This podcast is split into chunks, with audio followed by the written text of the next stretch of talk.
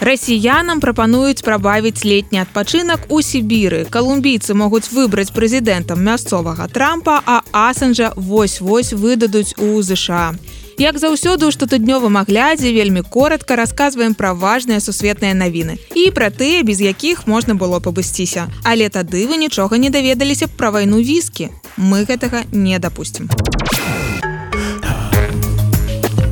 міністр унутраных справаў у великкабрытаніі прыці патэль ухваліла экстрадыцыю заснавальніка вікілікс джуліяна асанжа у ЗША піша BBC у асанжа ёсць 14 дзён каб абскардзіць гэтае рашэнне. Італьянская журналістка расследавательніца Стэфанія маўрыцы не цырымоняцца з тымі хто ўжо 12 гадоў патрабуе галаву асанжа. Яны пачнуць з яго наступнымі будуць журналісты якія працуюць з вікілікс. А потым мы журналісты мейнстрыму усе мы. І усе журналісты якія захочуць раскрыць іх брудныя сакрэты. Просто таму што яны не хочуць гэтага. Гэта італьянская журналістка мае рацыю менавіта так усё і працуе. Спярша яны дадуць журналістам трое сутак потым 15 потым два гады потым 6 гадоў калонію змоцненага рэжыму. Алтазак под'язджае не ведаю ці будзе спыняцца ці не? Мы журналісты Сёння прапагандысты з беларускага тэлебачання захочуць зрабіць чарговы сюжэт пра тое, як захад душыць свабоду слова. І іх сюжэты, напэўна, скончацца словамі свабоду асанжу. Навучым іх казаць правільна. свабоду асанжу і ўсім беларускім журналістам. У Калумбіі яго называюць Эльв'ехіто дэль тикток.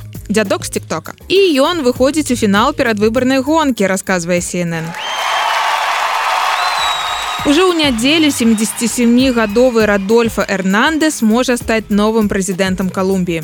Што мы ведаем пра яго? Эрнандеса называюць таксама Эль Энхеньеро, інжынер за навуковую ступень у галіне будаўніцтва. Ён магнат у сферы нерухомасці, а яшчэ ён любіць тикток. Не трэба глядзець дэбаты, не трэба хадзіць на мітынгі, просто подписывайцеся на свайго патэнцыйнага прэзідэнта. Калі вам усё гэта нешта нагадвае, у вас парадак з вобразным мысленнем. І дзядок з тиктоку не супраць ваших асацыяцый. Эрнандес кажа: Што я збіраюся рабіць, перамагаць карупцыю. Калі за гэта яны назовуць мяне калумбійскім трампам, я не супраць расіянам прапанавалі з'ездзіць у сібір гэта не тое што вы падумалі гэта тое пра што вы і падумаць не маглі раз турызм запускае турыстычны маршрут па месцах адпачынку у владимира путина. І называецца гэта сібірскія канікулы піша ре новости у растурызме кажуць так. Гэта абсалютна асаблівы маршрут у якога сапраўды няма аналагаў. У ім злучыліся і неверагодна прыгожая прырода і вельмі яркая этніка сібірскіх народаў і унікальныя артефакты. Факты золата скіфаў пахавальні правадыроў да гістарычных царстваў сярэдняга енісея культавыя месцы будызму у тыве. Як зразумець які летні адпачынак вам падыходзіць прайдзіце просты тэст вы думаеце што ў рассіі няма межаў вы любіце шмат часу бавіць у адзіноце і адтуль пагражаць свету калі вы адказалі так на ўсе пытанні то вам у сібір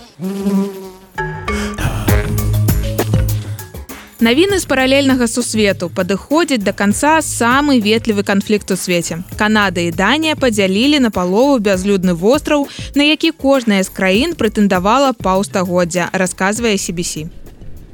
Востраў знаходзіцца за 18 кіламетраў ад кожнай з краін. На ім няма нічога карыснага. Наогул нічога. Акрамя рэшткаў канадскіх і дацкіх сцягоў. Гадамі ваенныя караблі кожнай з краін, падплываючы да выспы, усталёўвалі тут свой сцяг. Канадцы ставілі побач са сцягам мясцовы віскі, а датчане бутэлечку шнапса.